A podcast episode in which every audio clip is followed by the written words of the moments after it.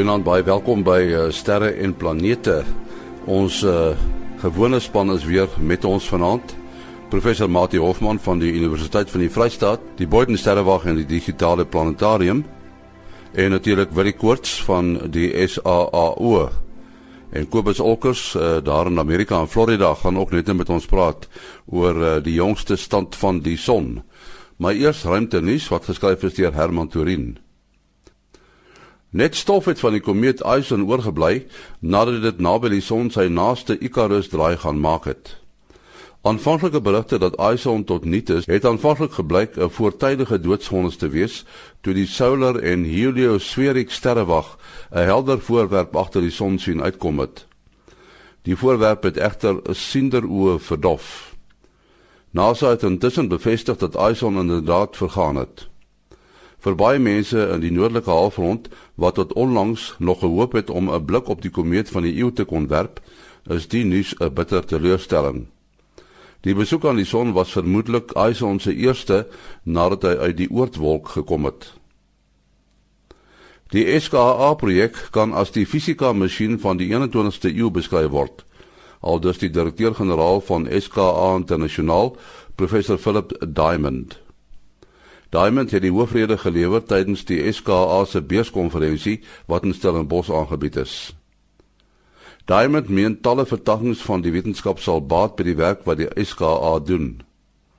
Hy het aan jong mense gesê dat hy hulle soms beny omdat vandag se jong mense die voorreg sal hê om met instellings soos die SKA, ALMA en die James Webb ruimteteleskoop te werk wat die wetenskap en astronomie in die volgende dekade gaan omvorm. China het 'n vierpyl gelanseer wat 'n tuig na die maan sal dra. Die seswiel voertuig sal as alles volgens plan verloop teen die middel van Desember sag op die maan land. Die voertuig wat 120 kg weeg, word as 'n robot jeep beskryf en moet minstens 3 maande lank op die maan rondry. Dit kan gate boor en die krag word deur die sonkragpanele voorsien. China beplan om teen ongeveer 2020 die eerste keer 'n mens na die maan te stuur. Tot sover ruimte nie, wat geskryf is deur Herman Torin in Bloemfontein. Ons praat nou weer met Kobus Olkers in Florida, Amerika. Nou goed, uh, hoe lyk die son? Is hy nog so aktief? Ja, ehm um, die suidelike halfrond is nou van die son is nou besig om te begin uh, aktief raak. Hy is letterlik uh vol met klein uh aktiewe areas. Nie van hulle is vreeslik uh magneties kompleks nie wat beteken ons verwag nie vreeslike groot vakkels van hulle af nie. Daar's twee van hulle, een wat op die oomblik reguit na die aarde toe wys. As hy sou sou uitbars met selfs 'n klein M-klas fakkeltjie, sal hy vir ons probleme gee en ons kan ons natuurlik weer probleme verwag met ons uh, selfone en met ons internet en met ons langafstandverbindings uh sowel as met navigasietoerusting. Ehm um, hy is met ander woorde wat ons sou noem geo-effektief. As hy as hy iets doen dan dan affekteer hy die die die aarde wat nou geo is. Ehm um, dan het ons ook 'n klein ehm uh, baie klein maar baie goed gedefinieerde gat in die korona van die son waar dan nou 'n klomp uh van die sonwind uitblaas teen 'n baie hoë spoed hier in die omgewing van 600 na 700 km per sekonde. Hy is hy is uh geo-effektief op hierdie stadium. Ehm uh, die aarde voel sy voel so die beweging van die son wat uit hom uit en dit beïnvloed langafstand kortgolfkommunikasie en ook tot tot 'n baie uh, klein mate uh internet en elektriese verbindings. En dan die laaste ding sit ons met twee filamente en dit is net twee reuse groot kom ons noem hulle nou maar weer bergreekse riwe van ehm um, van plasma wat opgedruk is deur twee verskillende magneetpole op die son. En alles sit al twee in die noordelike halfrond. Hulle is massief groot. Hulle is beide van hulle is langer as 'n miljoen kilometer. En natuurlik soos ons nou al weet, as die goed platval, dan kry ons ook 'n tipe van 'n uitstraling uitbarsting van die son af en as hulle natuurlik opstyg dan is dit dieselfde as 'n koronamassa uitbarsting. Die goed is eintlik bitter moeilik om te voorspel ehm um, wanneer hulle gaan uitbars maar hulle is baie onstabiel. En ons het natuurlik nou verlede week toe die komeet Ison naby die son verbygegaan het, was daar 'n 'n simpatiese ehm um, uitbarsting ook op die son gewees. Ja, hy brand hom toe uit. Nou jou besonderhede Kobus? Dit is uh SMS alleen asseblief na 083 2648038. 0832648038. Daar sê Kobus Olkers in Florida, Amerika. Nou ons praat met uh, professor Mati Hofman van die Boyden Sterrewag, die, uh Universiteit van die Vrystaat en dis daar ook die digitale planetarium en uh ook met Willie Koorts van uh, die SAA die Suid-Afrikaanse Astronomiese Observatorium. Nou wat wat die sterrekunde betref is daar nie veel aan die gang uh, daarbo in die ruimte nie. Ek praat nou van sterre en planete, maar die mense poging om daar te kom om weg te kom van die aarde, dit lyk my nie hou op nie. Wil die uh, die Chinese het nou uh, vier pyl die lug aangestuur uh, in 'n poging om op die maan te gaan land, né? Ja, dis interessant. Dit ek sien dit dit is hulle hulle derde uh um stending na die maan toe al. Mense vergeet amper dat dat uh um, hulle is ook al lankal bedrywig. So in plaas van Apollo noem hulle hulle goeters Ching of so iets. So hierdie is nou Ching 3 en en die vorige twee was nou net uh, wentelbane om uh, om die maan. Maar hierdie ene die derde sending wat nou laas Sondag gelanseer het gaan gaan 'n klein voertuig hê. So 130 140 kg uh klein jeepie gaan hulle kom gaan van hulle land daarso.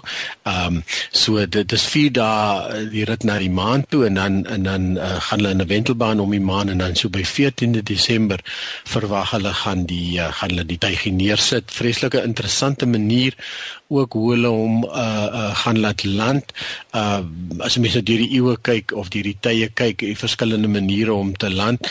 Uh, uh, uh ons onthou van die Apollo maansendings was dit 'n uh, soort van 'n vuurpyle wat gevuur is en natuurlik die maan is baie vreeslike aantrekkingskrag nie so dit is nie te te moeilik om te doen nie wat uh, nogal besonder is van hierdie ene is dat uh, hy het kameras wat die terrein bekyk en dan outomaties besluit daarso is 'n klip en hierso is 'n 'n 'n sloot of wat ook al ek sal moet vermy. So heeltemal 'n interessante uh, manier. Dis ook nou die eerste keer dat dit nou so 'n treinerkenningskamera en sagte ware wat die wat die landing outomaties gaan gaan laat uh, gaan laat gebeur. Ja, en dan uh, interessant genoeg die die dit is nog maar baie koud op die maan, het nie 'n atmosfeer nie en dit loop warm aan die dagkant en koud aan die nagkant, so die ruimtetuigie word deur uh, plutonium 238 uh, radioaktiewe stelsel warm gehou uh, sodat al die elektronika en goeders lekker kan werk. En dan het hy 'n klompie uh, instrumente, radar wat selfs onder die oppervlak kan kyk. Hy uh, gaan gate boor. Hy kan uh, ontleed spektrometers en so wat ontledings kan doen van die uh, van die rotsmonsters.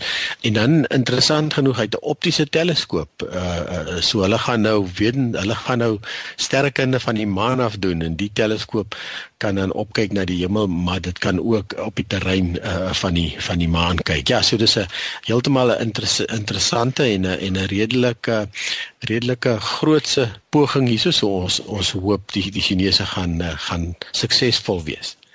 Ja, wat nou interessant is, jy het nou so 'n bietjie daaraan geraak is dat ehm um, 'n mens moet uh, nou aan ag neem dat die uh, die swaartekrag van die maan is nou nie soveel nie. Die wentelbaan om die maan is waarskynlik baie laer as uh, met die ander planete, nê, nee, Willie? Uh, ja, en natuurlik ook omdat die maan nie 'n atmosfeer het nie, kan jy 'n tuigie redelik laag laat wentel sonder dat sy spoed af afneem as gevolg van die sleureffek van 'n 'n atmosfeer. So uh, ja, die uh, die landing word al uh, uit omtrent 15 km 'n uh, hoogte word die landing beheer en dan en dan stadig afgebring. Um, ek is nie presies seker van die wentelbaan wat hulle gaan doen nie. Gewoonlik wat hulle doen is is hulle hulle kom na die maan toe en gaan eers in 'n elliptiese baan wat hulle dan ehm um, gaande weg rond maak uh, en dan afbring en afbring en dan uiteindelik met die uh, met die landingspoging word die uh, vuurpyle gevuur sodat die um, dat die dit eintlik begin val na die maan toe en dan het jy natuurlik 'n beheerde val uh, deur jou sogenaamde retro rocket so die vuurpyle wat dan wat dan onder toe wys om om dan die val te te werk. Uh, en net so terwyl van konteks is interessant as mens nou kyk wat die groot moonthede kan doen dis nou die lande met die uh, groot bevolkings en uh, daarmee saam 'n groot belastingbasis uh die Amerikaners het nou natuurlik die laaste sagte landing op die maan uitgevoer in 1976. So dis dekades gelede en hierdie gaan nou die eerste volgende sagte landing wees. Nou net natuurlik dan onbemand. Nou het ek uh, net so kennis geneem dat Buzz Aldrin hulle het opgemerk dat China oor so 15 tot 20 jaar die vermoë behoort te hê om 'n mens op die maan te land. Nou dit is nog baie ver en uh, ons weet China is baie aktief in die ruimte en dit gee mense weer 'n konteks wat 'n enorme poging die Amerikaners moes ingesit het om dit met ou baie ouer tegnologie in die uh, laat 1960s, 1970s regte kon kry. En nou mag dit wees dat hierdie fokus van hulle hele ruimte sending van die Chinese met behulp van die nuwe instrumentasie waarna wat jy verwys het is nou baie baie nuwe uh, tegnologie kan dalk baie baie nuttige nuwe wetenskaplike inligting oor die maan na vore bring al is daar nie uh, mense mense betrokke nie en in die geval van die Amerikaners was die fokus in die eerste plek gewees bloot om die tegnologie te te demonstreer en te wys hulle kan dit doen. Die wetenskap het so 'n bietjie na die einde toe 'n groot rol gespeel. Ek dink amper dit was net die laaste Apollo 17 sending waar daar 'n geoloog saamgestuur was die Chinese is nie die enigstes nie. Die Indiërs het nou 'n uh, tuig op pad na Mars toe. Uh, hulle sê hy ding met die Maven mee. Uh, is daar meer inligting daaroor, Matie? Uh ja, dit is die uh, Mars Orbiter mission. Hy het nou sopas die tweede kritiese element van sy sending uitgevoer. Die eerste was natuurlik om gelanseer te word vanaf die aarde en dan in 'n baan om die aarde te beland. Uh 'n elliptiese baan en dan saam met die aarde is hy natuurlik dan in 'n baan om die son. Uh en nou is uh maandag vir in die verlede week is die tweede kritiese element uitgevoer om hom 'n uh, addisionele aandrywing te gee om los te kom van die aarde se gravitasie. Jy het daar ekstra energie en spoed nodig en dit het hom nou geplaas op 'n baan op pad na Mars uh wat baie ver is die sit uh, ruimtetuie kan nie soos die kraai vlieg uh na 'n planeet toe vlieg nie want dis al hierdie aantrekking van die son, die aarde uh en die binneplanete afhangende van hoe ver hy van hulle verbyvlieg. So 'n klein afwyking, as hy so effens skeef sou mik op hierdie lang reis, sal hy natuurlik Mars op hierdie groot afstand heeltemal uh mis. So iewers op sy reis moet hulle dan nog 'n uh, 'n korreksie aanbring laat hy die ma Mars mooi kan bereik en dan wanneer hy by Mars kom is hy eintlik op 'n baan uh om die son en dan moet hy gerem word om in 'n mooi baan rondom Mars te beland. Baie analoog aan wat Willie nou verduidelik het met die maan gedoen moet word. Uh in die geval van Mars is daar nou wel 'n atmosfeer, 'n baie dun atmosfeer en hulle sal waarskynlik daar uh, en Mars is ook groter as die maan, 'n bietjie 'n groter baan verkies uh vir die wenteling om Mars. Maar dit is baie interessant dat uh, die aantal nasies wat dan nou hierdie interplanetêre sendinge kan doen, het nou uh, meer geword met een nasie wat bygekom het. Ja, baie keer in die program het ons gepraat van uh, die komeet Ison wat uh, eintlik nie meer 'n komeet is nie of is daar nog iets oor wil ek? Uh ja, dit was opwindende tye gewees om dop te hou hoe die uh komeet om die son beweeg. Ons het uh, verskillende kameras, mens besef eintlik nie hoe baie uh, uh sendinge daar is wat direk na die son kyk nie. Uh natuurlik direk na die son is nou ook 'n relatiewe term hierso, so die manier wat jy dit doen is jy veroorsaak eintlik 'n permanente sonsverduistering. En uh ons het nou al gesien fotos van sonsverduisterings kry jy dat uh die, die maan verander 'n blok keer dan die son se lig uit en dan kan jy die son se se straling en goeters in die agterkant sien. So die sou hou en dan is daar ook ander satelliete doen iets soortgelyk deur 'n skyfie. Die skyfie is eintlik heelwat groter as die son en uh, so ons kon nie vir ISON sien uh, reg reg op die einde nie uh, wat dit baie na aan die son gekom het nie. Maar uh, dit is ongelooflik om te sien hoe ISON eers uh, verhelder het uh, op pad in en en en toe gaande weg uh, uh minder en minder helder geword het en toe in die tweede wat nader 'n uh, kamera kon 'n mens um gesien het hoe die ster lank uitrek en uh, uiteindelik het daar 'n uh, uh, dit gelyk soos 'n stukkie wat in die agterkant van die van die die son uitkom en ehm um, uh, dis nie 'n patch is hulle nou in, in goeie Afrikaans sê van van wat uh, van wat Ison eers gewees het nie. Wat ons gesien het die oorblywende stuk is so 'n vreeslike waierstert wat ons al voorheen met ander komete natuurlik ook gesien het. Ehm um, maar uh, dit dit lyk asof dit die die, die komete totaal gedisintegreer het want uh, daar is nou nog niks opgemerk in die naghemel wil nie. Wil jy wat vir my baie interessant is is om te gaan kyk na 'n uh, 'n kort video wat die ouens saamgestel het uit hierdie beelde van SOHO en die uh, stereo uh, satelliete wat dan nou op die tegniek soos jy verduidelik het, uh die son die heeltyd bestudeer. Daardie skyfie wat die son uitdoof, ek skat is omtrent so 3, 4 keer die deursnee van die van die son en ISON het dan uh op net 'n uh, bietjie meer as die grootte van die son vanaf hom 'n draai gegooi in orde van so 1 miljoen kilometer. En uh, so uh, hy kom van 'n afstand van duisende miljoene kilometer waar hy nou sy buitewyke sy waar hy nou sy oorsprong gehad het en wat natuurlik vir ons in 'n misterie gehul is. En as mens nou na daardie videoetjie kyk, en die mense moet dit nou regtig gaan probeer Google, dan kan 'n mens nou daardie eh, die die die groot verandering in die stert sien wanneer uh, eh, ison nou weer agter daardie donkerte uitkom, dan het die hele anatomie van die stert uh verander met 'n baie meer waaiervormige uh voorkoms en dan is daar so oomblik wat dit alles weer 'n bietjie helderder word en dan baie vinnig begin uitdoof.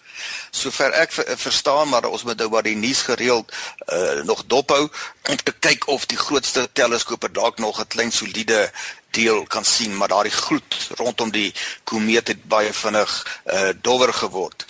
Maar wat nou vir my baie fascinerend is en ek sou nou graag berekeninge wil sien as 'n mens nou gaan kyk na daardie video en die en die saamgestelde fotos, dan kan mens nou die uh gedeelte klein gedeelte van sy totale baan wat dan ellipties of parabolies moet wees. Ellipties beteken dis 'n geslote baan. Dit wat oorbly van die komeet ehm um, al is dit nou klein brokstukke sal na baie lank tyd weer by die son verbykom of dit kan parabolies wees dit beteken uh, dit gaan nooit weer na hierdie uh, deel van die heelal uh, terugkeer nie. En ek sou nogal graag wil sien of of hoe fyn hulle die baan kan bepaal om iets meer te weet te word oor die uh historiese oorsprong en die toekoms van hierdie oorblyfsels want daar sal daar sal sekerlik maar klein uh, brokstukke wees want hierdie uh voorwerp is totaal verbrokkel deur die effek van die van die son. En uh dit demonstreer maar net hoe die son die sonnestelsel domineer. Dat hy meer as 99% van die sonnestelsel se massa uh en dit geld dan ook vir voorwerpe wat enige reis deur die sonnestelsel wil onderneem, moet rekening hou met hierdie dominerende invloed, veral as hulle dan nou uh in 'n baan om 'n ander planeet of om die maan wil beland. Kan 'n mens aanvaar dat daar om die ander sterre, om die ander sonne ook komete is? Ek kan dan geen rede dink uh hoekom dit nie die geval sou wees nie. Die uh wel nie al die sterre gaan uh, is presies dieselfde as die son nie. As jy nou gaan praat van die sonagtige sterre wat uh, selfde tipe van geskiedenis uh verloop het, uh dan is dit baie waarskynlik dat hulle komete sou hê. Uh hoe ons dit sou kan uitvind is baie moeilik. As dit moeilik is om komete wat rondom ons son wentel van die aarde te kan sien, dis meestal moeilik. Uh wat nog van uh, rondom ander sterre? Uh, Mense sou dalk kon raai as as die komete uh, rondom ander sterre uh, verbrokkel. Ons weet dit gebeur baie met ons son, die uh die SOHO uh, satelliet of teleskoop het al baie komete in die son insien verdwyn, uh dan kan daar dalk bepaalde spoorelemente van die oorblyfsels van daardie komeet in die atmosfeer om die ster gesien word, maar dit sal baie moeilike waarnemings wees. Uh, dalk kan Willem bietjie meer lig daarop werp. Dis as jy nou sê maar dit klink weer eens soos jy sê die son het natuurlik hierdie geweldige son is 1.4 miljoen kilometer in deursnee so hierdie is is natuurlik 'n baie klein persentasie as jy sê om dit op te spoor gaan gaan dalk nie te maklik wees nie. Natuurlik een van die uh, teorie wat lyk vir my redelik uh, redelik aangehang word is die is die feit dat komete is uh, uh, hoofsaaklik of of heel waarskynlik uh, verantwoordelik om vir ons water op op planete te bring. So uh, die aarde se water het het uh, heel waarskynlik van komete hier aangekom of 'n groot deel daarvan dan. En uh, so dit dit is ook 'n interessante teorie. Dit wil sê natuurlik die die aarde moes op 'n kol ernstig gebombardeer geword het deur komete en natuurlik ons weet in die vroeë stadiums van die sonnestelsel was dit die Genesis 1 uh, aarde woesin leeg scenario natuurlik geweest. Ja, Jappie van Sail het uh, laasweek 'n interessante ding gesê uh, dat daar drinkbare water op Mars was. En toe het ons nou verder gepraat oor nou maar wat het van die water geword? Dis nog 'n ding wat hulle wil uitvind. En uh, as 'n mens nou aanvaar daar was drinkbare water, dan beteken dit dat uh, die atmosfeer van Mars op 'n uh, sekere stadium van so 'n aard was dat hy nie so koud was soos wat hy nou is nie. En 'n mens kan seker dan verder redeneer dat miskien net Mars nader aan die son gewentel as wat hy nou wentel. Wat wat dink jy daarvan, Mati? Uh dit val die kwessie oor die water dit klink vir my in terme van wat uh, reeds bevestig oor uh, Mars is baie waarskynlik oor die baan, die afstand wat hy vanaf die son is. Uh dit sal dit dit het ek nog nie spesifieke insaag in uh, hoekom hulle sou reken dat hy nader sou wees nie, maar dit sou natuurlik uh, baie meer in die bewoonbare sone waar vloeibare water uh, maklik op die oppervlak sou kon bestaan kon bring wat mens natuurlik sou nodig hê behalwe uh, bietjie warmer temperatuur. Uh dit sou die algemene gemiddelde temperatuur op Mars is baie laer as op die aarde. Die kleiner afstand sou die uh temperatuur as hy dan nou nader sou wees uh so kon bring dat uh, die ys makliker sou smelt. Uh maar dan die ander faktor wat belangrik sou wees is die digtheid van die atmosfeer, die atmosferiese druk. Ehm uh, want die lae druk wat op die oomblik op Mars heers, weens die dunne atmosfeer 100 maal uh, kleiner as die atmosferiese druk beteken dat as die water smelt dan verdamp dit dadelik. So jy kry nie die vloeibare water op die oppervlak nie, jy kan dit dalk onder die grond kry waar die druk uh, hoër kan wees. En dit is 'n kritiese element en daar's goeie redes om te kan dink dat Mars se atmosfeer digter sou gewees het omdat hy baie kleiner is as die aarde, sou dit vir hom moeiliker wees om daardie atmosfeer dan vir 'n baie lang tyd van biljoene jare te kan uh, kan behou. So die die hoeveelheid inligting wat ons gekry het uh, uit die laaste paar sendinge veral dan die uh, die die die nuutste uh, Curiosity rover maak dit net soveel interessanter om voort te gaan met hierdie studie. Ehm uh, want dink nou net as mens 'n bietjie grondwater kan kry in vloeibare vorm. Uh, en wel die die, die tye kan ook net 'n entjie onder die oppervlak met behulp van hulle tegnieke wys op die ou het sal mens graag wil gaan boor op Mars. Ehm uh, dit bly 'n baie interessante 'n uh, teken. Ek, ek wil miskien net byvoeg ja die die die verandering van die bane is natuurlik iets wat lyk my relatief nuut ook is in planetêre wetenskap. Ehm um, ek het uh, al 'n keer of wat hierso met uh, Dr. Amanda Gilbert hier by ons gepraat wat ek al voorheen genoem het wat uh, heelwat werk doen op Pluto en die sending wat nou op pad is na Pluto toe, al aanvoerwerk uh, wat hulle doen daar. Hulle destyds 'n kamera spesiaal ontwikkel wat na Mars gekyk het en ons het nou van die kameras wat ons op ons gewone teleskope gebruik en ehm um, so dit is nogal iets veral lyk like dit vir my van ons oorspronklike model van sonnestelsels dit is maar soos ons eie ons het gesien naby die son sit of naby dan die ster dan nou uh, sit hierdie uh, harde oppervlak kleiner planeetjies en dan verder weg sit die groot ou gasballe en en ons het gedink dis so half enorm totdat ons nou eksoplanete begin ontdek het en gesien het maar sjoe hier kry ons 'n uh, uh, hele paar maal Jupiter massa planete wat bitter na wat sê binne die baan van Mercurius uh, oorleef. So hoe is dit moontlik? En uh um, so die uh meer en meer het hulle hulle modelle begin aanpas en agtergekom maar van die planete het definitief gemigreer.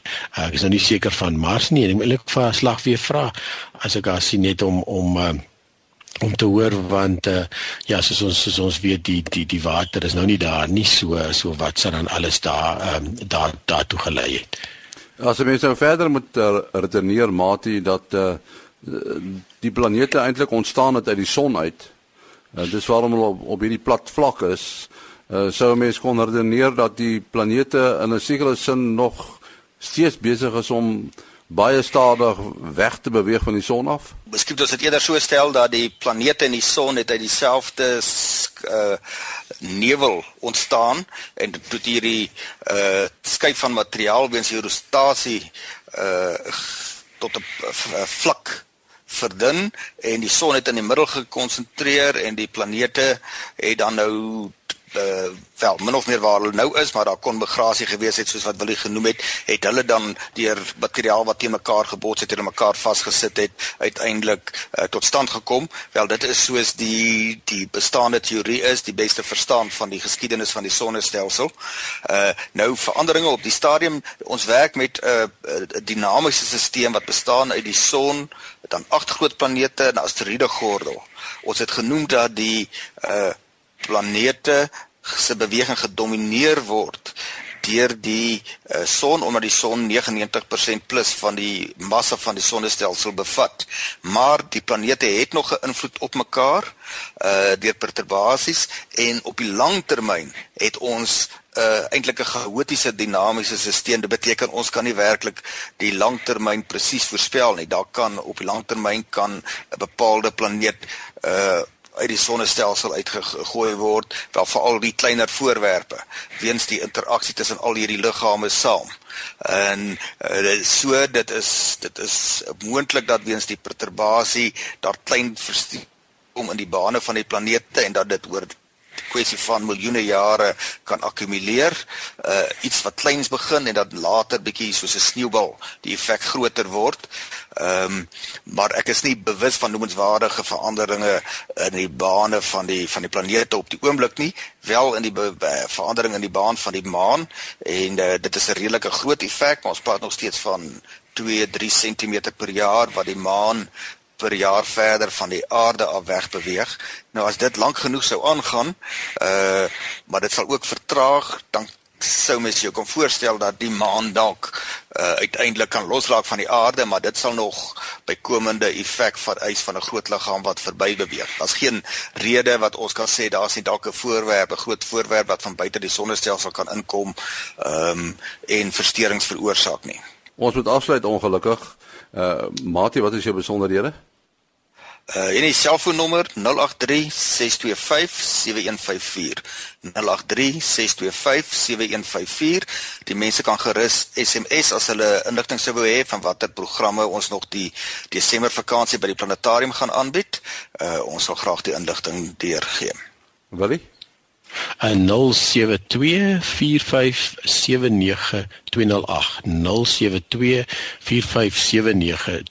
Ja, en ek wil net sê ons Facebookblad is lekker aan die gang en bedrywig en ons is al oor die 800 lede laas gekyk het verbeel ek my.